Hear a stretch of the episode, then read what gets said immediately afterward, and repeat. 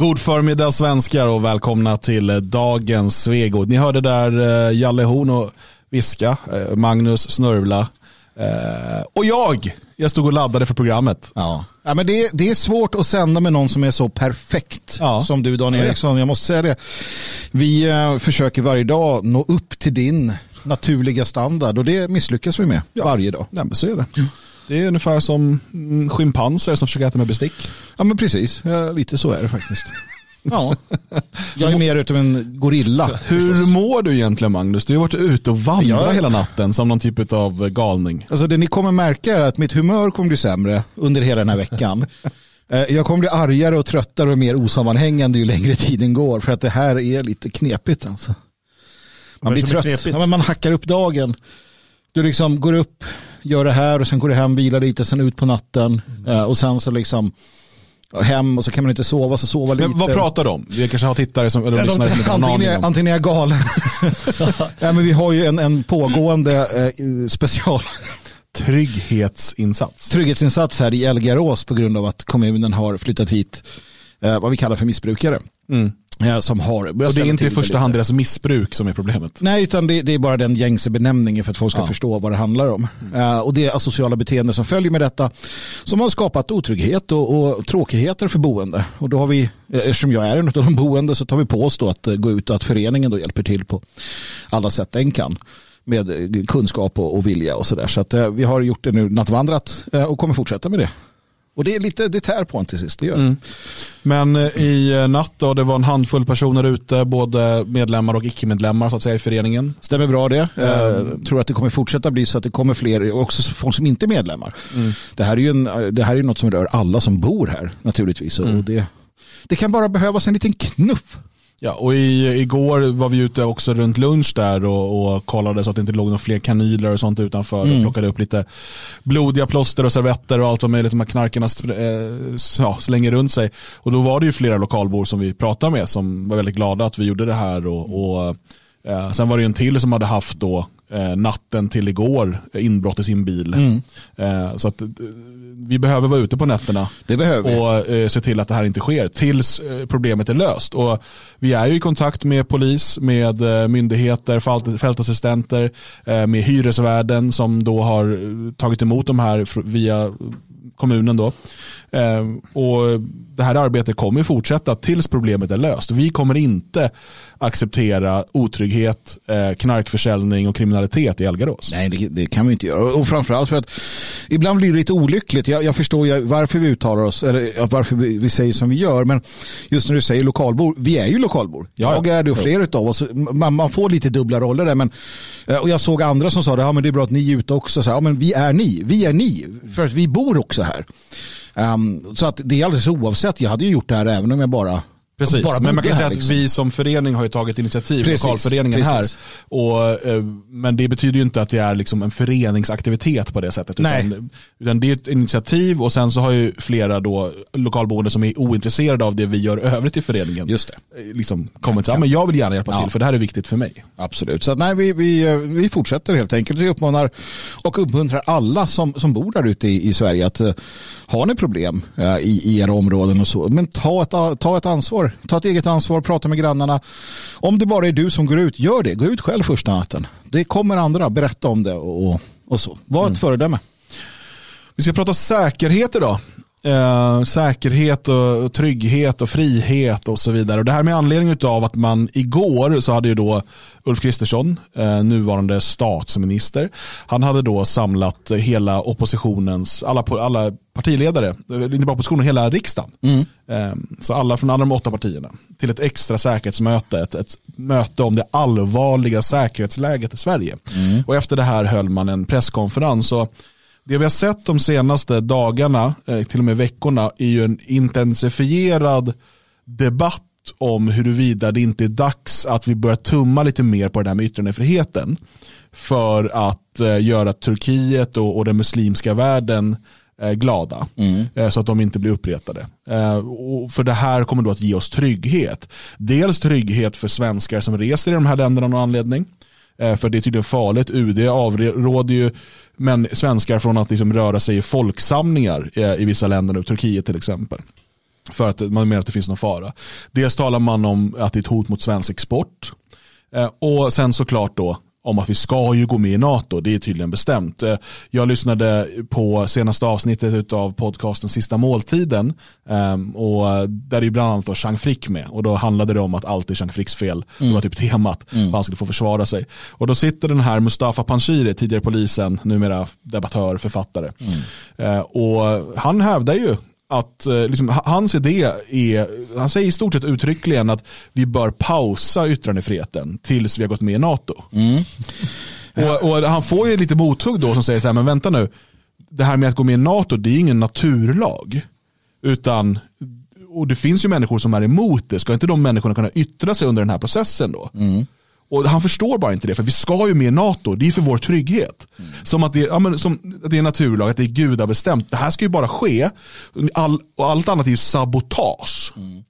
Nu kanske du tänker att eh, Panshiri är en gök, liksom, så att eh, vad han säger och katten skiter. Men eh, Göran, Göran Lamberts um, har ju idéer som är ungefär likadana och Mårten Schultz skriver i Svenska Dagbladet igår under rubriken Bör vi förbjuda koranbränning då han talar om att eh, andra har funderat över om sådana här aktioner, och då pratar man om dockan då, och bränningarna, ska kunna inskränkas när de hotar statens intressen. I detta fall processen kring vår NATO-ansökan. Så det pågår en, en, en liksom inom juridiken ett, ett, eh, ett levande samtal om att kan vi, ska vi förbjuda detta, bland annat då med, med hot om rikets säkerhet då, eller så. Och, och, det finns ju naturligtvis sådana aspekter. Jag säger det själv i, i händelse av krig till exempel, eller kris, då måste man ju eh, ta i med hårdhandskarna mot till exempel desinformation. Du kan inte låta det rymmas inom yttrandefriheten om en nation är i krig. Det går liksom inte. Um, det blir problem. Um, så att det finns ju naturligtvis, det, det, frågan blir ju då, när är det så pass allvarligt? Så att man ska kunna gå in och... Och, och det är här du alltid har det slutande planet. Ja, så är det. Um, och, och det är väldigt svårt att definiera när, och, och det är så dessutom att politikerna, eh, framförallt då regeringen, bör ju sitta på information om säkerhetsläget som vi inte har. Mm. Och då kan ju de hävda, med, vare sig det är sant eller inte, att just nu är hotet mot Sverige så förestående mm. att vi måste dra in de här delarna av yttrandefriheten. Mm. Eh, och vi vet den här nya, eh, det som nu första januari blev en del av, var det grundlagen till och med, ja grundlagsändring var det ju, mm. där eh, man nu eh, då förbjuder eh, alltså inom journalistiken till exempel sånt som kan skada Sveriges relation med tredje land. Mm. Och redan nu håller man på att förbereda ännu fler lagstiftningar där man ska kunna dra in sändningstillstånd för aktörer som på något sätt då skadar Sveriges anseende i utlandet. Mm. Det här är ju, återigen, det här är så mycket sluttande plan det bara kan bli. Mm. Mm. För hur mycket man kan säga att det finns någon typ av rimlighet i början så kommer det liksom dit de går, om man ger dem lillfingret så kommer det ut vara vi kan stänga ner den här hemsidan för att det här är inte bra för Sveriges relation med land X eller Y. Jag kommer ni ihåg eh, när eh, Leila Freivalds Leila Freivalds stängde ner Sverigedemokraternas hemsida, Sverigedemokraterna som idag är Sveriges andra eller tredje största parti, lite beroende ja. på, mm. för att de gjorde en karikatyr, publicerade en karikatyr av profeten Muhammed. Oj. Redan då så, så cementerade vi ju vägen mot, mm. återigen, vägen till helvetet kantas med goda eh, sådana M&M's va? Precis, med M&M's. Så att, vägen till helvetet är Jalle försökte bryta in här, vi, vi har inte gett honom möjlighet. Välkommen in i debatten, Jalle. Ja, tack så mycket. Eh, jag ska säga att eh, den här eh, så kallade partiledaren vi har, Ja, eh, statsministern. statsministern. Mm. Eh, han är ute och gör det här sluttande planet väldigt sluttande. När han säger det, som är och ska vara lagligt kan få stora konsekvenser för svensk säkerhet. Det du var inne på nyss. Eh, de grupper och individer som ligger bakom blir nyttiga idioter för krafter som vill Sverige illa. Det här, vadå vill Sverige illa? Men du kan ta vad som helst som görs i det här landet och vad som helst som sägs kan du få det till att låta illa för en tredje part. Mm. Hur lätt som helst. Och då kan någon komma in av säkerhetsintressen och stänga ner, tysta, sätta i fängelse. Vad mm. du känner för. Det vet ju alla vart det här lutar ja. då. Och de pratar illa varje dag om, om Stalintiden och tredje riket och alla möjliga riken de kan tänka sig. Men det är bara men, när de säger det tycker de att det låter bra. De det, förstår det. det. Jag börjar undra om de verkligen förstår vad de håller på med. Det, det intressanta där blir då, som vill Sverige illa, då, då skulle du säga till exempel då, i hans värld, NATO-motståndare som vill liksom det. Eller om jag vill ifrågasätta eh, Turki, den turkiska regimen, varför jag nu ska liksom känna det behovet. Men vi har det inom ramen för. Alldeles så att det här låter ju som, kommer du ihåg 2014, 2015, när vi sådana som vi attackerades av vänstern och andra och sa att ni är landsförrädare, ni förstör Moderaterna, också. Moderaterna ni förstör Sverigebilden. Mm. Ni skri, ni, ni, det är ni som gör att Donald Trump säger last night in Sweden. Det är för att ni ljuger om Sverigebilden. Samma Sverigebild som han nu är den första att erkänna som ett haveri, att, att de har misslyckats. Då. Men då lät det så. Det här kommer att vara samma sak nu. Nej, Dan Eriksson, du är en landsförrädare för att du säger att NATO kanske är en dum idé. Du går ryssens ärende. Jag har ju sett det mm. mot Chang Frick till exempel och mot andra att man liksom också delvis från den här äh, Sverigevänliga rörelsen såklart, för den är ju så jävla dum ibland, mm. går och säger att ja, men ni som inte vill ha, ni går, du är Putin-troll för att du vill inte att Sverige går med i NATO. Um, för det är ju en fördummad debatt rent generellt. Då. Men där, vart, drar, vart kommer han dra gränsen? De som vill Sverige illa. Ja, men, men, men det, det, alltså, debatten är ju så infantil generellt. Det är bara att kolla på hela Ukraina-Ryssland-konflikten. Om du om du inte är för att skicka liksom allt krigsmaterial och alla pengar väst har till Ukraina, då är du för liksom Putin och Ryssland och allt som de ska stå för. Om du eh, är, är liksom för eh, ukrainarnas eh, rätt till att liksom försvara sitt land och så vidare, ja, då, då måste du hålla med om allt som Joe Biden och George Soros gör, för de tycker också det. Mm. Det, blir, det, det, är bara infantilt och dumt. Alla vet ju att det inte är så här det är inte så verkligen ser ut. Det är samma sak med NATO. Jag har inget problem att diskutera NATO och lyssna på liksom argument för och emot. Men, men hela grejen är att så fort man gör någonting som då som de säger skadar processen, som att den vore förutbestämd, Eh, så är det då att då går man Rysslands ärenden, då går man Putins ärenden. Kanske till och med man betald av Putin. Precis, och alla, alla kan ju läsa av retoriken i det här. När de pratar om säkerhet nu, då betyder det bara en sak och det är att vi inte går med i NATO. Då, då riskerar vi vår säkerhet. Mm. Det, var det, all, det, det, står inte svart på vitt men det är vad det betyder. Ja, det vet han, vi allihopa nu. Han, han sa ju det också i den presskonferens som var för ja, två veckor sedan, eller det var några dagar sedan, jag minns inte, men då sa han också att det här är det allvarligaste läget Sverige har befunnit sig i och så vidare. Alltså saken är den att det är inte sant. Alltså utifrån ett... Så, om det inte är något som man verkligen nej, vet som ja. vi inte har någon aning om. Ja. Alltså, men, men, generellt sett, om vi, om vi bara tittar på hur det ser ut utifrån, mm. så är Ryssland uppbundet i östra Ukraina Eh, och, och investerar enorma summor där. Man pratar om att man ska förstärka gränsen mot Finland. Det har man inte gjort. Man skickar ut någon liten båt då och då bara för att så här, eh, spänna musklerna och så. Men generellt sett så är Sverige om man tittar på det på det sättet, alltså, både Finland och Sverige, det står tryggt. Polen, de, de, riskerar, de har inte ryska trupper vid gränsen. Sen sker det naturligtvis påverkansarbeten från Rysslands sida i Europa och i Sverige. Precis som att Europa och Sverige och NATO på, gör påverkansarbeten i Ryssland som man har gjort i alla tider genom till exempel villkorat bistånd. För då går det bra. Till Ryssland går det bra att villkora bistånd. Om ni inte håller på med hbtq då får ni inga pengar. Till andra går det inte bra att villkora biståndet. Så att, äh, det är dumt. Det finns eh, ett skäl eh, till till att det de håller på med är väldigt farligt. Det handlar inte bara om yttrandefriheten utan de gör ju sig själva och Sverige litet mm. och svagt. För vad är det de säger? Jo men säkerhetsläget är så fruktansvärt och vi är så himla svaga. Mm. Vad gör de då? Jo då kommer Turkiet och säger morskar upp sig. Ja precis, ja. du är liten och svag och jävlig och värdelös. Du ska lyssna på oss till varje mm. pris. Eller nu när de skickar sina killar killar till USA för att smöra in sig där.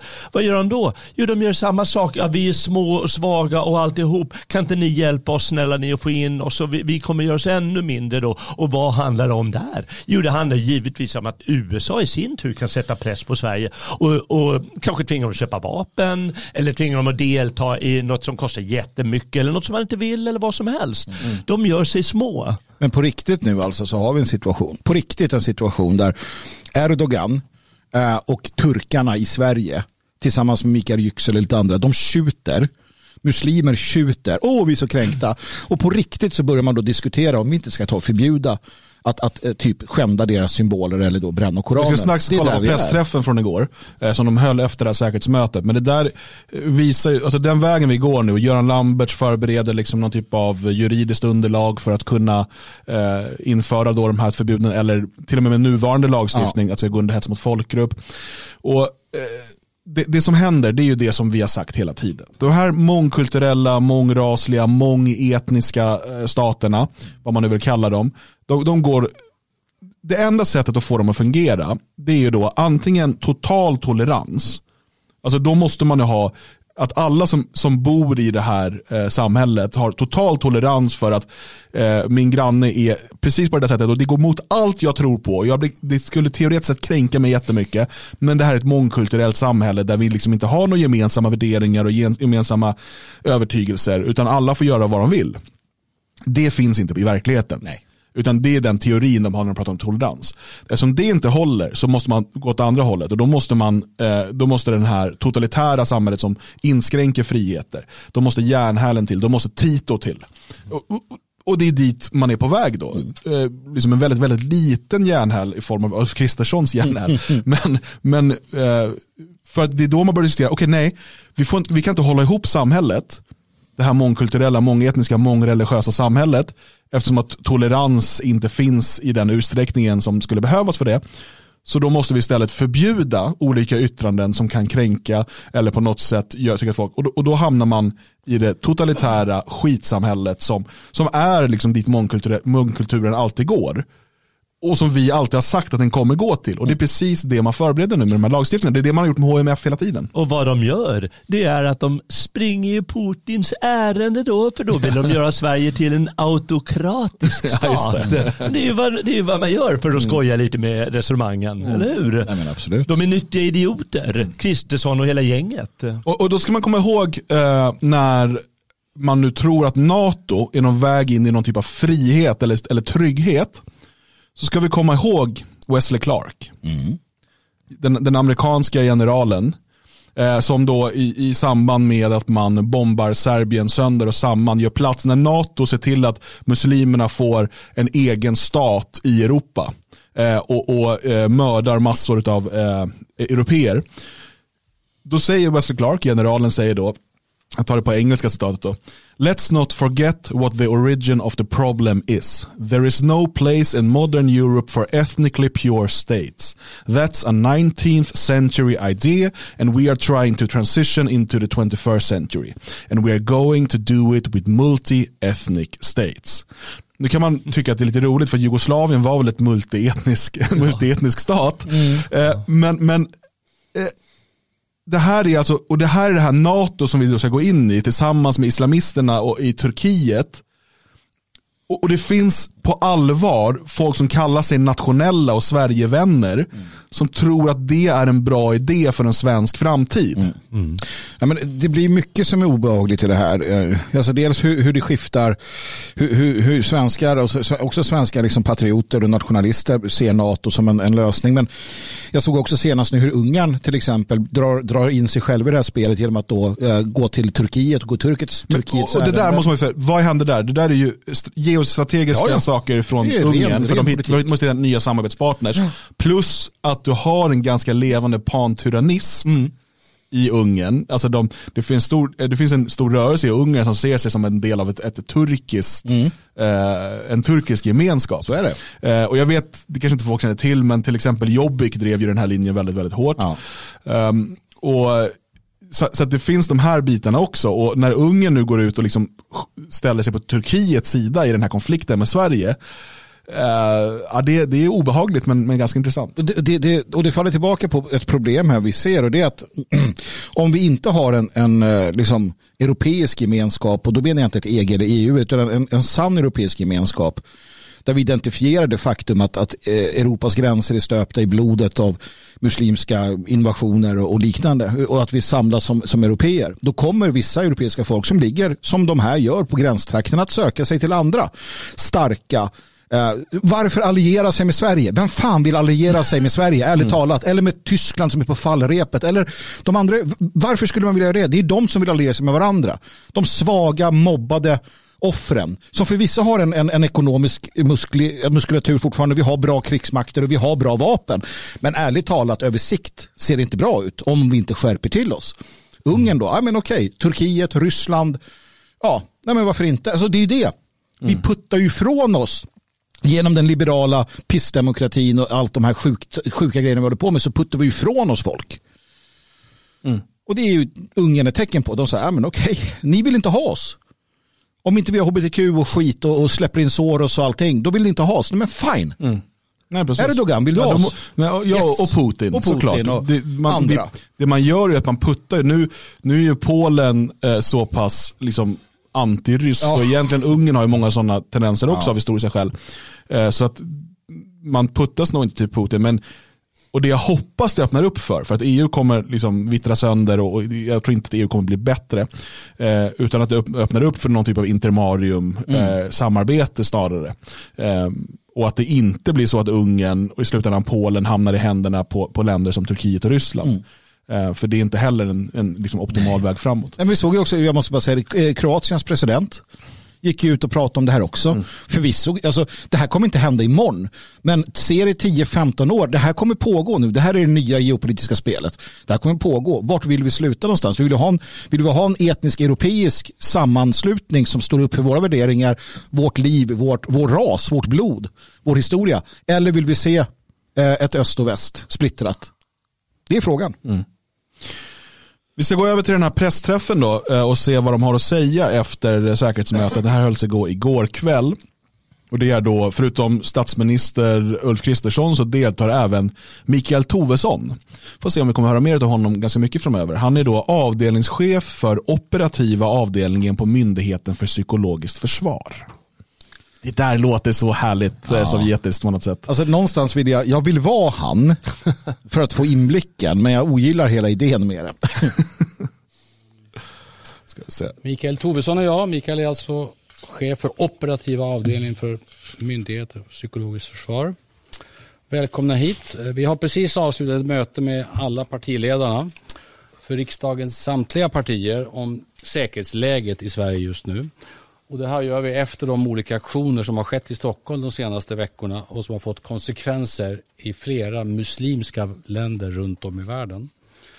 Och på mötet medverkade bland annat då Myndigheten för psykologiskt försvar och drog sin lägesbild. Och jag tycker att det är viktigt att också ni och svenska folket får ta del av den bilden. Och därför är Mikael Tovesson också med på den här presskonferensen. Men först vill jag säga några ord själv. Det absolut viktigaste med det här mötet det, det här var jag alla själv. partiledare, oavsett uppfattning i den formella NATO-frågan, oavsett om man är för eller har varit emot den svenska NATO-anslutningen, ska få en god förståelse för läget och vilka krafter som nu agerar i Sverige och utomlands. Och därmed ha en insikt om hur viktigt det är att undvika splittring och att alla kan bidra till att tvärtom kyla ner eh, temperaturen. De senaste veckornas händelser i Stockholm har gjort det tydligt hur komplext skyddet för vår säkerhet är och hur nära sammankopplade enskilda nationella händelser är med större internationella skeenden runt om i världen. Får jag bara bryta in? Mm. Vi så Saken är att han har ju rätt i det. Precis som att han har rätt i att eh, den, den, den handel vi har är global och att det är väldigt, väldigt känsligt med, på grund av det. Men det är ju för att han och hans gelikar i 50 år har strävat efter det. Hela hans politik går ju ut på att försvaga nationalstaterna, att förinta eh, alla former av nationalism och nationellt liksom, eh, agerande. Man ska, man ska ha allt som i samarbeten för det på något sätt tjänar, jag vet inte. Då blir det inte krig. Om vi handlar med varandra blir det inte krig. Nej, precis. För Ryssland och Ukraina har ju aldrig handlat med varandra. Nej. Och, och vi... Aldrig. Det är bara går gasledningar genom Ukraina och man ja. bara jätte... Nej. Och är vi med i samma allians så, så, så kommer vi hålla ihop som Turkiet och NATO. Ja. Eller Tur Turkiet och Grekland ja, som är bästa vänner. Ja. Alltså det, det är ju så förbluffande dumt. Ja. Hela ideologin. Och sossarna är ju inte bättre. Ja, jag vill bara ha sagt. Stod det här även i våras med de koranbränningar som ägde rum vid påskas. Den här gången handlar det mer specifikt om en upphängning av en docka som skulle föreställa den turkiska presidenten och därefter om bränning av Koranen utanför den turkiska ambassaden. Till det här kan också, måste också läggas den desinformationskampanj som har pågått i Sverige sedan 2021 och som riktar sig mot socialtjänstens arbete med socialt utsatta barn. Mer specifikt barn som socialtjänsten fattar myndighetsbeslut om för att göra ingripanden för att skydda barnens intresse. Vi har sett hur enstaka svenska manifestationer, helt lagliga i sig, utförda av en liten grupp eller till och med av enskilda individer kan få stor konsekvens för bilden av Sverige i omvärlden, för säkerheten av våra svenska medborgare utomlands, för svenska företagsintressen och för den helt centrala frågan för svensk nationell säkerhet, den svenska och den finska NATO-anslutningen. Den helt centrala frågan för vår säkerhet. Mm. Och det var precis som jag sa, vad kommer han ta upp här? Vi har inte sett den här presskonferensen jag ska säga. Han, alltså det här då med exporten Absolut. Eh, och svenska medborgares trygghet ja. utomlands.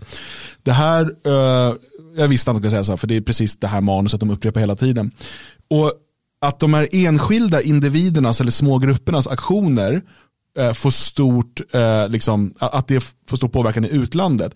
Är problemet då inte i utlandet? Mm. Om de i utlandet inte klarar av att skilja på vad individer eller gruppers lagstadgade yttrandefrihet är och vad statens inställning är, eller hela landets mm. inställning är, då är det de som har problemet. Mm om, om alternativet är då att vi, ska, vi, ska måste, vi måste stoppa enskilda individer och små grupper från att uttrycka sig eftersom att turkar inte klarar av att skilja på vad som är liksom en del av yttrandefrihet och vad som är statens officiella inställning. Alltså, då har vi ju bara, då har vi lagt oss platt för att turkar inte klarar av att se skillnad på de här sakerna. Då är turkarna som är problemet, inte svenskarnas yttrandefrihet. Absolut, och därtill också då att han har ju sån fullständig brist på vad, vad det handlar om. Han blandar ju till exempel då en, en koranbränning av Paludan med eh, Mikael Yüksel och de turkiska intresseorganisationernas arbete mot svenska myndigheter. Ja. Det pågår alltså en islamisering av Sverige, en, en medved, ja. ett medvetet försök att maktgrabba i Sverige från deras sida. Det hör inte ihop. Alltså det är inte så att Paludan och Yüksel ligger till, vad jag vet, med varandra. Uh, utan, utan jag ska inte skilda... hålla det för helt omöjligt. Precis, det, det, men det är skilda saker. Men han lägger allt det här nu i samma skål för att det handlar om NATO, den centrala frågan för vår säkerhet. Just det. Om vi inte går med i NATO och, och, och breder väg för muslimska stater i Europa, vilket ju har varit det, det, som NATO har gjort i Europa ja, de senaste ja, ja. åren, senaste 30 åren. Um, då är det inte bra för vår säkerhet, för då kan också muslimerna bli arga. Just det. det kan också ligga i muslimernas intressen att vi går med i NATO. Wow. Och blir kackade inför den, alltså ännu mer inför den världsordningen som, som bereder väg för mm. islamiseringen mm. ja, av Europa. Ja, Absolut. Vi har sett hur utländska aktörer, även statsaktörer, har utnyttjat de här manifestationerna för att elda på stämningar på ett sätt som är direkt skadligt för svensk säkerhet. Och vi befinner oss, som jag brukar säga, i det allvarligaste säkerhetspolitiska läget sedan andra världskriget. Det som är lagligt och som ska vara lagligt och är inom ramen för svensk yttrandefrihet kan alltså få stora konsekvenser för svensk säkerhet. De grupper och de individer som genomför den här sortens aktioner de blir i det här säkerhetspolitiska läget nyttiga idioter. För... Nej. Vad kallade han just svenskar som använder sin lagstadgande yttrandefrihet mm. Mm. och eh, genomför helt lagliga demonstrationer, söker polistillstånd, inte går över några gränser vad gäller hets mot folkgrupp eller olaga hot eller allt, alla de här inskränkningarna som finns mm. i yttrandefriheten. De är alltså idioter, mm. nyttiga idioter. Precis, och det bevisar ju bara, det här är ju en, det är en tanke som har börjat formas. Eh, där man börjar på det här sättet för att sen då, för att han, han tänker ju det att de här idioter, de förstår inte att begränsa sin egen yttrandefrihet för den goda sakens skull. Därför måste staten Låt oss slå ner. Okej, Rasmus Paludan är ju för NATO. Han är väldigt tydlig med det. Ja. Han älskar NATO. Han älskar NATO. Men låt oss bara konstatera då att till exempel de här kurderna som låg bakom, eller kurdiska gruppen, den här mm. Rojava-gruppen de heter, som låg bakom eh, dockan eh, och andra som då protesterar mot NATO-inträdet eller försöker, försöker på olika sätt göra det omöjligt. De ser inte det som Sveriges mest centrala säkerhetspolitiska fråga att gå med i NATO. Nej. Tvärtom kanske de tycker att det mest centrala är att hålla sig utanför NATO. Ja. Och vi har inte haft en folkomröstning. Vi har inte haft en ordentlig offentlig debatt om NATO. Plötsligt bara svänger sossarna och Sverigedemokraterna och, och, och, över en natt så är de för NATO, mm. som de alltid, båda partierna har varit emot ett NATO-inträde. Mm. Och nu ska alla bara gå med på det. Och alla som, alla som har gjort någonting för att hindra processen eller få igång en ordentlig debatt om det här, att de, de är nyttiga idioter. De är ett hot mot Sveriges säkerhet. Man kan gå längre än så. Du behöver inte ens ta NATO som eh, huvudsaken. Du kan säga alla artister. Ja, de är också nyttiga idioter. Mm. För de eh, förespråkar något som är mer eller mindre förbjudet enligt islam. Mm. Mm. De, de härdar ju den religionen genom att, säga att eh, det finns ingen gud. Mm. Mm. Ja, nej, och kristna och ja, judar och bögar och hedningar och alla som inte är muslimer uh, är ju nyttiga. De, de kan skadas bilden av Sverige. Ja. Krafter som vill Sverige illa. Oh. Precis som jag sa på presskonferensen här för en vecka sedan så behöver vi nu ta ner tonläget, kyla ner situationen Eh, ursäkta, herr statsminister? Nej, men, står du och säger åt svenska medborgare, det han säger är, använd inte er yttrandefrihet. Mm. Kyl ner nu, sluta, för det är centralt för Sveriges säkerhet att vi gör som Moderaterna vill och att vi går med i NATO och bombar Europa och släpper in muslimer. Alltså det är vad han säger. Håll tyst svenskar säger han, för nu ska jag gen driva igenom mina febriga muffdrömmar om att äntligen få stå på alla fyra inför NATO. Jag tänker väl att eh, alla vet att ehm, alla vet väl att, att visa svaghetstecken och att, att backa undan i om du konfronteras med en aggressiv motpart, då är det, det bästa du kan göra är att visa dig svag, backa, gärna in i ett hörn, be om ursäkt. Det är så man hanterar mobbar i skolan också. Mm. Alltså helt ärligt, det enda svaret på det här från Ulf borde ju vara, och jag, alltså, jag är ju emot koranbränningar. Jag tycker att det är en idiotisk grej att göra. Jag tycker att man inte ska bete sig på det sättet. Jag är för att det ska vara lagligt, men jag, jag, jag tycker att det är liksom, det är, jag tycker inte man beter sig så. Men, men, helt ärligt, det enda rimliga när statsministern beter sig så här, det är ju att elda och koraner utanför Turkiets ambassad varje dag. Ja, Just alltså, av, av trots.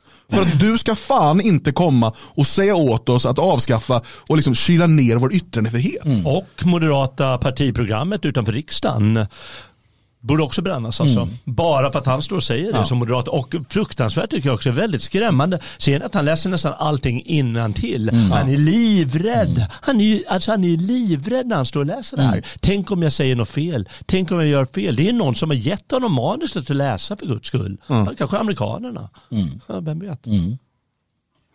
Partierna i Sveriges riksdag behövde också få den information som beskriver allvaret i situationen på det sätt som den förtjänar för att gemensamt kunna bidra till att stärka arbetet för svensk säkerhet. Jag tänkte också säga några korta ord om de åtgärder som hittills har vidtagits av regeringen för att diskutera med partners och för att kyla ner situationen och vad vi planerar att göra framöver.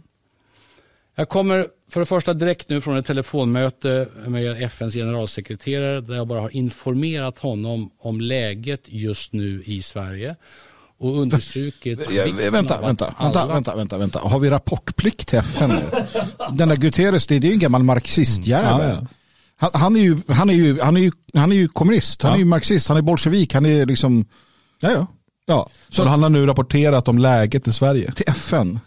Ja men inte nog med det, men hur löjligt låter det att Sverige inte söker strid? Vad är det för töntigt? Mm. Jag menar, det står ju, du kan ju gå till varje tidning i varje land i världen så kommer du kunna läsa, oj här är människor som söker strid, här är människor som söker strid. Jag menar vad är det för fånigt uttalande? Det är ju helt patetiskt. Nej, men gud, det var länge sedan jag såg någon ja. göra vårt land så löjligt som och, man gör och nu. varför, som Fresh Sushi är inne på här i chatten, varför pratar han inte om att kyla ner muslimerna? Ja, precis. Nu får ni muslimer, nu får ni lugna ner Skärp er. Skärp er. Ni, I Sverige har vi yttrandefrihet. Mm. Ni får kyla ner det här nu. Ni får prata med era släktingar hemma i, i Absurdistan mm. eller vad tusan ni kommer ifrån och säga åt dem att så här funkar det i Sverige. Lev med det eller, och håll käften. Mm. Ja, det är det totala kackandet. Som Utan då är det sven...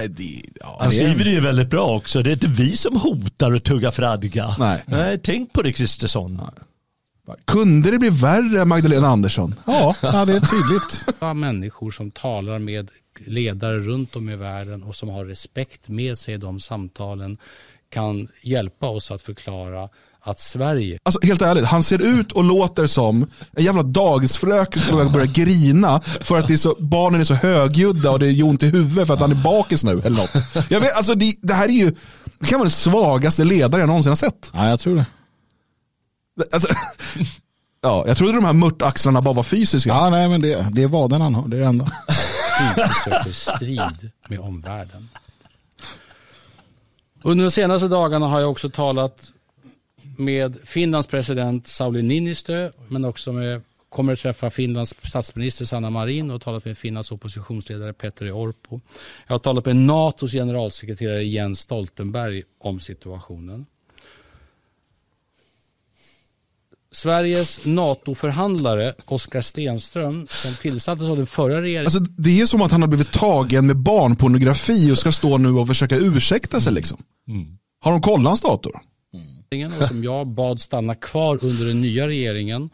Han är tillsammans med den svenska nationella säkerhetsrådgivaren Henrik Landerholm i detta nu på väg till Washington DC för att träffa den amerikanska presidentens nationella säkerhetsrådgivare Jake Sullivan. Och vi har också varit mycket aktiva i relationerna med olika, eh, de diplomatiska relationerna med olika muslimska länder och organisationer. Och i min kommunikation, inte minst mot en internationell publik, har jag varit väldigt tydlig med att den stora och vida svenska yttrandefriheten är en fundamental del av vår demokrati. Men att det som är lagligt inte alls alltid är respektfullt. Och att jag eftersträvar en respektfull dialog med människor runt om i världen med människor med olika trosinriktningar och att jag har uttryckt sympati för de muslimer som har förolämpats mm. av detta. Han borde ju avsättas och ställas inför rätta på en gång. Det, här är, det här, är det här ytterst, människan ska inte få leda Sverige. Det är ett ytterst allvarligt säkerhetsläge. Vi, ja. har, alltså, vi har alltså förrädare eh, öppet i regeringen. Eh, det här är det farligaste, alltså han är farlig för Sverige och svenskarna. Han gör oss till offer, eller han gör oss till, till villebråd. Ja. Det är vad han gör. Han, han, han, allting som Sverige någonsin har byggt upp raseras i detta nu med den här människan. Eh, för att vi kan titta på sådana enkla saker som att eh, vad händer när de, den muslimska världen är missnöjd med någonting i Europa? Mm. Jo, de rasar och härjar och det är terroristangrepp. Europa har drabbats av våldsamma terroraktioner, vilket har liksom kunna härledas till den typen av retorik som turkiska och andra ledare har. Mm. Och han, alltså Sverige kommer vara mer, det kommer vara mer farligt att vara svensk i Sverige efter det här än vad det var mm. tidigare utan tvekan. Och, och, det är faktiskt så också att om ni minns eh, de här Jyllands, eh, Jyllandsposten-teckningarna. Det var inte så att muslimer i muslimska världen gick igång på det över en natt utan det dröjde ju flera veckor eller månader. Och det hetsades upp av imamer och mm. politiska aktörer som ville antingen tjäna på det politiskt ja. Eh, eller, eller rent av kanske representanter för vår vänster som satte igång det här spelet. Och, och där var det så att danska företag förlorade mycket pengar på det. Mm. Eh, men den danska regeringen då stod upp för sin yttrandefrihet. Precis. Och idag har Danmark fortsatt stor handel med muslimska länder. Precis. Mm. För att man visade att man står upp för. Det här, för mig är det här definitionen av ryggradslöshet. Ja. Han, är verkligen, alltså han står inte upp för någonting egentligen. Han bara kryper och krälar i stoftet. Och som du säger Magnus, det här utgör en fara för att han, han, han utsätter svenskar eh, för en, riktig fara nu. Sätter oss i en situation där vi blir fritt villebråd.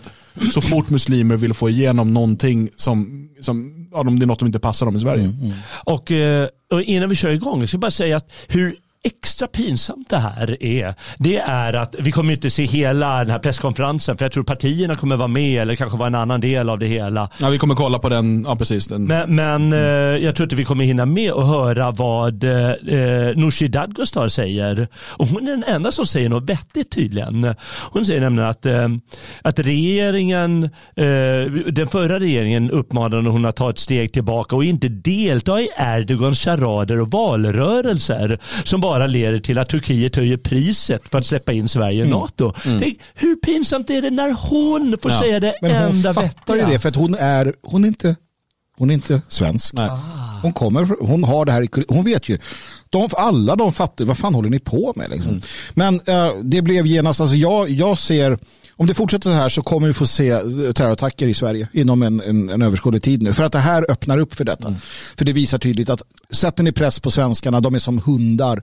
De kommer gny och gnälla och backa tillbaka. Det är vad man får uh, utav detta. Um, han borde arresteras och uh, ställas inför rätta uh, för landsförräderi. Mm. Uh, låt oss kolla vidare. Ska se om jag kan få rätt mm. bild där. Har också våra ambassader i berörda länder varit väldigt tydliga med att förmedla. Dagarna efter koranbränningen i Stockholm. Ja, genom att sätta upp lappar om att eh, svenska support. medborgare är idioter, precis som han säger då. We don't support this book burning idiot. Jan Knutsson, ambassadörerna från de muslimska länderna inom OIC, som är den muslimska ländernas samarbetsorganisation.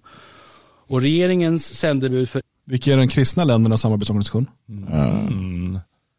Uh, finns, finns ingen. För att kristnet är löjligt. Ja, just är du dum eller? vi har ingen intressen att stå upp för. Haha. Tror interreligiös dialog. Ambassadör Ulrika Sundberg har också fört samtal direkt med OIC och med generalsekreteraren för Muslim World League och den högre representanten för United Nations Alliance of Civilizations. Och vi kommer de kommande dagarna fortsätta den här dialogen från regeringens sida och på torsdag kommer vi även möta svenska muslimska företrädare här i Stockholm vilket självklart också är viktigt för att både beskriva svensk yttrandefrihet och den svenska regeringens uppfattning om de är svenska muslimska, måste man förklara svensk yttrandefrihet för dem? Ja, men det måste du göra. Svenska muslimer behöver förklaring i svensk yttrandefrihet. Um, återigen, det vi ser här är intressant utifrån, minns ni Donald Trump och hans ledarstil? Ja, tänkte på honom. Uh, hur han betedde sig och sa till exempel till Nordkoreas ledare att jag har en större knapp, jag har större bomber, jag spräng, ni upphör att existera. Ja. Och sen blev han kompis med honom. Ja. Alltså det är, det är ganska lätt uh, att ha att göra med den typen av bullies om hur man har bra dialog med människor respektfullt i Sverige och mellan länder. Vi kan till sist konstatera att just nu eskalerar inte läget och det saker som vi har gjort kan ha haft effekt för detta men mycket små saker kan dra igång den här eh, eh, branden igen. Eh, och det kommer regeringen göra allt vi kan för att undvika. Med de orden vill jag lämna över till Mikael Tovesson. Varsågod. Tack så mycket statsministern. Oj. Eh, Myndigheten för psykologiskt försvar, bara lite grann om vårt... Fin, är det bara sådana här mes? Alltså, jag fattar ingenting. Vad menar du? Nej, men alltså, Finns det inga män i svensk offentlig förvaltning jo. som har lite jävla pondus? Jo, Johan Persson står i kulissen och är förvånad. In med Johan Persson, ge en korv så kör vi. Nej, men alltså, så fort man, jag har inte hört honom så här förut. Nej. Så fort man, och så kommer det alltid det där. Mm. Oh. Ja, det börjar skratt. Det är därför vi förlorar. Eh, vi har uppdrag att identifiera, analysera och stödja bemötandet av otillbörlig informationspåverkan som riktas mot Sverige. Vi följer alltså inte inrikes aktörer eller gör bedömningar på aktörer i vårt land. Eh, vi tittar inte heller och bedömer internationell allmänhet eller fri oberoende media. Utan det vi fokuserar på det är de utländska aktörer som vilseleder med ont uppsåt i syfte att skada svenska intressen. Det är det vi följer och det är det vi bedömer. Eh, och vår bedömning, som jag delgivit eh, statsministern idag och de politiska ledarna, det är att eh, det samlade informationspåverkanstrycket det är större än under LVU-kampanjen och, och, och påskkravallerna när det gäller volym, alltså antalet reaktioner. Och... Kan ni sluta kalla det för påskkravallerna? Det gör mig förbannad varje gång. Man blandar in en kristen högtid i muslimers kravallande. Mm. Ingen av de där människorna firar påsk. Däremot var det ramadan. Ja, det var därför de så sura och inte äter ordentligt. Ja, men varför kallar man det för ramadankravallerna då? Men... Och ja, eh, det är så jävla alltså det är mer bigott. aggressivt. Uh, och utöver de generella reaktioner som vi har sett i omvärlden när folk har varit upprörda över bland annat uh, koranbränningen Eh, så ser vi faktiskt också att samma utländska aktörer som var aktiva under LVU-kampanjen och, och påskkravallerna, de sprider hat, hot och desinformation rörande just svensk rättssäkerhet och hur vårt samhälle fungerar. Eh, även den ryska påverkansapparaten försöker att sprida och förstärka felaktiga och negativa uppfattningar om det svenska och, sven eh, och finska NATO-medlemskapet och ansökan där dock med begränsad framgång. Eh, och några av de metoder som vi ser bland eh, dessa eh, främmande yttre aktörer det är att felaktiga och förvrängda vilseledande budskap, hashtags för att skapa viralitet, återupprepande av tidigare oförrätter och sen så flera av aktörerna följer och använder händelser i Sverige för att bygga sina narrativ. Och här återkommer vi då till eh, hängningen av dockan som föreställde eh, president Erdogan. Men också koranbränningen i sin tur och filmningen av myndighetsutövning avseende LVU, de ingriparna. Så man har alltså en nära uppföljning för att just skapa egna narrativ och bygga på det. Ja, ja. Och det brukar vara den svåraste typen av jag måste bara fråga, pratar han om eh, eh, aktörer i den muslimska världen? Det är ja, det han pratar om. Ja, det varför, varför, säger han inte det då? han sa det lite inledningsvis att det inte är de som är i Sverige. Nej, men han sa alltså... inte tydligt vilka det var.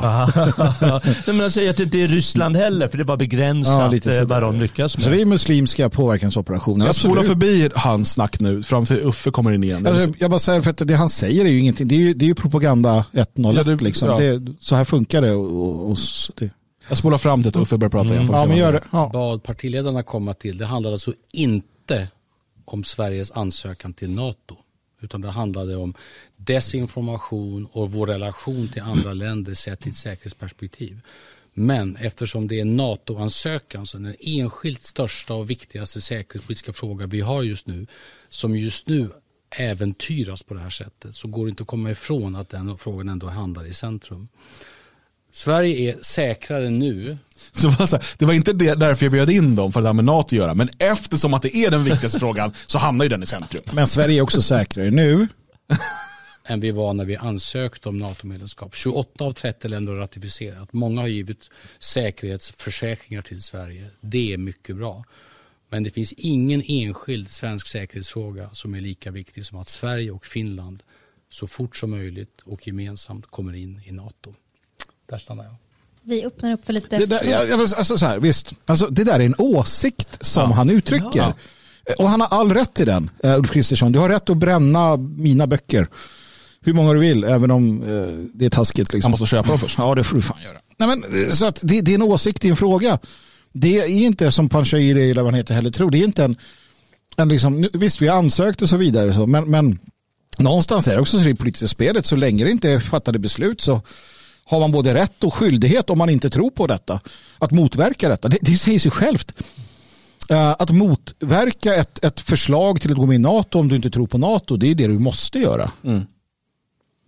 Mm. Uh, faktiskt. Ja, och det han säger i stort sett är att alla som inte är för NATO-inträdet mm. är ju då ett hot mot Sveriges säkerhet. Ja. Mm. Och med de här undantagen i lagen som man diskuterar på olika håll och så vidare, kanske det är dags att eh, helt jag menar, hot mot Sveriges säkerhet, de kanske bäst bara internera och liksom hålla borta ett tag nu. Det är ändå en så pass allvarlig situation. Tänk om det skulle, liksom skulle dyka upp en ubåt i Östersjön snart. Mm. Ja, då är ju kriget i stort sett, står för dörren skulle man kunna hävda och då måste ju Precis som man gjorde under andra världskriget så internerade man ju i Sverige kommunister va, tror jag. Mm. Eh, och i USA internerade man japaner, i Tyskland internerade man eh, kommunister och judar och lite allt möjligt. Judiska kommunister, inte bara judar. Ja, fast, andra, fast judar som inte var kommunister. Ja, ja, socialdemokrater. Ja. Men alla som man kan anses vara ett hot mot, eh, liksom, Regimen. Eh, mot säkerheten då, som skulle kunna eh, på något sätt arbeta tillsammans med eh, fienden. Mm. Och det, alltså, och det här låter kanske långdraget, men man, det är den här typen av retorik som lägger grunden för den typen av saker. Mm. Ja, eh, utan istället, han måste ju stå upp för principerna, det är det som är det viktiga. Och problemet här är inte att svenskar utnyttjar sin yttrandefrihet, problemet här är att turkar inte kan acceptera den. Och där måste man vara tydlig som ledare för Sverige. Ja, visst är det så. Det, det, borde inte vara så hårt. Och jag menar, kolla eh, då en av Turkiets representanter i Sverige, Mikael Yüksel. Mm. Eh, som då, han skriver eh, klart och tydligt. Det här är kravet. Det här är kravet man kommer driva nu.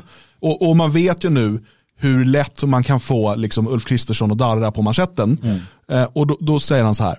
Ulf Kristersson säger att alla behöver bidra till att kyla ner temperaturen. Detta är dessvärre inte möjligt så länge Sverige envisas vid den sadistiska tolkningen av yttrandefriheten. Vi behöver ta radikala åtgärder, ändra grundlagen och förbjud koranbränningarna. Mm. Och som sagt, redan nu börjar vissa ledarskribenter, jurister och så vidare argumentera för detta. Mm. Vi vet att den muslimska andelen i Sverige växer och därför kommer de här kraven bli ännu starkare. Nu kan det här också komma som en typ av krav för att vi ska få vara med i den här fina NATO-klubben. Mm. Och, och, och, nu, alltså, det är väldigt, väldigt tydligt att man kan ställa den typen av krav på Sverige.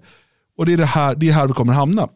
Och jag tror faktiskt att vi kommer, jag tror inte vi kommer ändra grundlagen. Däremot så kommer man hitta ett sätt att tolka det som en del av hets mot folkgrupp. Ja, lagstiftningen. Absolut. Det var Lamberts förespråk. Du har ju en väldigt tydlig, så, så som han uttrycker sig.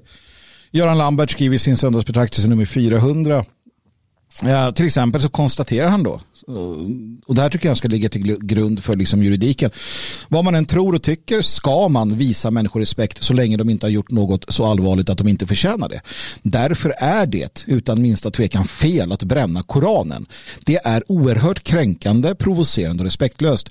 Det sår hat och skapar fiendeskap i världen yttrandefrihet är något viktigt och så fortsätter han då så konstaterar han att, att med, med, allt detta då sagt så är koranbränningar kan vara då en del av um, ehm, alltså gå inom hets mot folkgrupp. Men, men han, det han säger är ju att att bränna koranen är enskilt i sig eh, så pass allvarligt. Alltså eh, inte eh, Bhagavad Gita, inte Maharabata, inte, inte, inte ens Talmud, utan det är Koranen. Just Koranen. Och, och saken är, och skulle man börja hävda då, jag menar, ska, om det blir olagligt att bränna Koranen, mm. då måste det i sin tur betyda att det blir olagligt att bränna upp symboler som för andra är heliga. Ja. Mm. Alltså, om det ska finnas en konsekvens i det, nu kan, kanske inte jag förutsätta det, men, men det vore det rimliga då. Mm.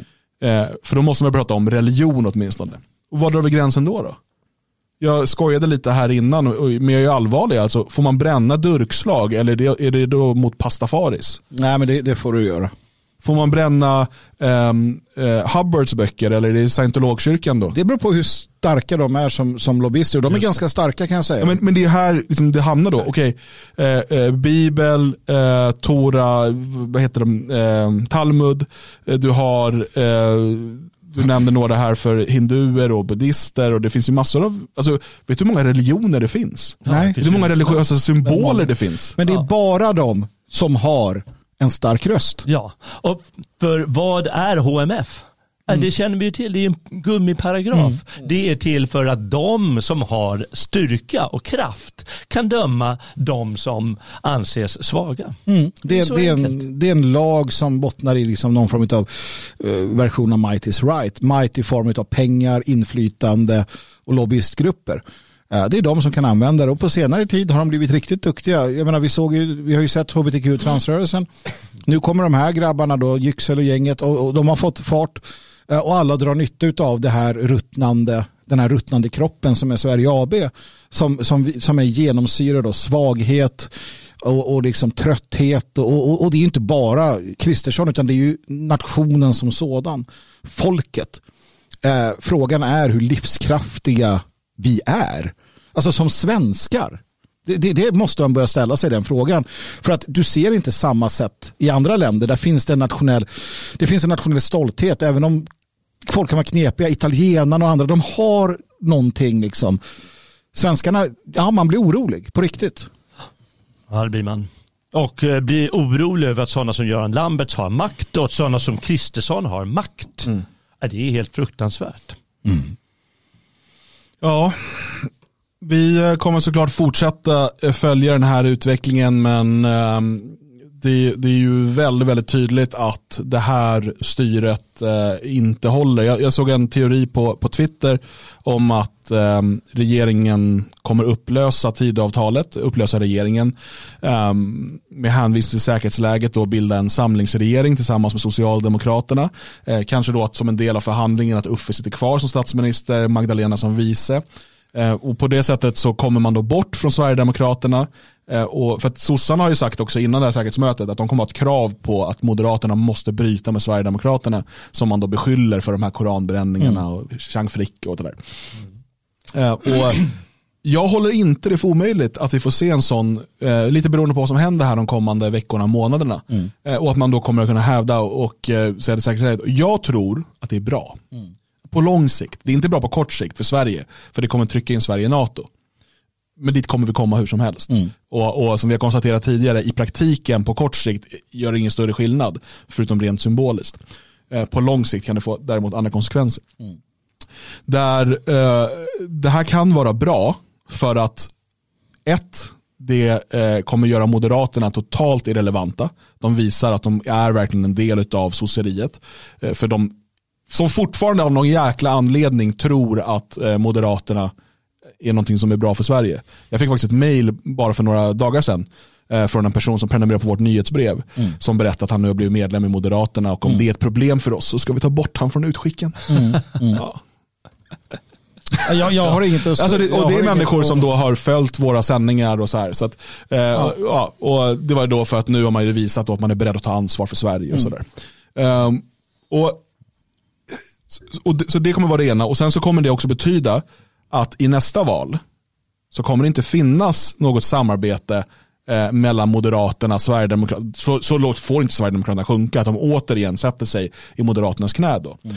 Eh, och det gör att hela den här högerkoalitionen går sönder. Mm. Vilket är bra på lång sikt. Oh ja. För att det som drar ner Sverigedemokraterna framförallt nu det är att de måste samarbeta med moderater och liberaler mm. eh, och kristdemokrater.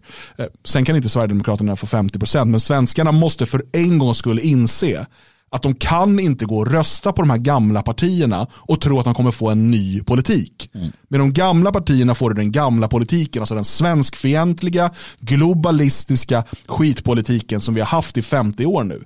Röstar du på något av de här sju partierna, då är det det du väljer, oavsett vilken färg de har på blomman. Mm. Nej, det, det, är inte, det är inte svårare än så. Eh, jag, ska inte, jag ska inte idag gå vidare med eh, de här andra aspekterna av detta faktiskt. Men detfriasverige.se en mycket bättre idé eh, över tid. Det kan jag lova. Mm. Det kan vi lova. Eh, vi är tillbaka imorgon klockan 10. Mm. Eh, sänder live. Eh, imorgon är det torsdag va? Det är torsdag imorgon, absolut. Ja, och vi sänder Härligt. på fredag klockan 10 det också. Vi, vi ja. sänder på lördag. Nej, Nej det gör vi inte. inte. Eh, och jag tror inte heller vi sänder på måndag, men vi återkommer till det på, på fredag. Mm, med absolut. definitiva besked. Men vi sänder torsdag och vi sänder fredag klockan 10 och eh, du är med och tittar eller lyssnar antingen live klockan 10 eller i efterhand som stödprenumerant på svegot.se. Nu tackar vi för oss och önskar en fortsatt härlig onsdag.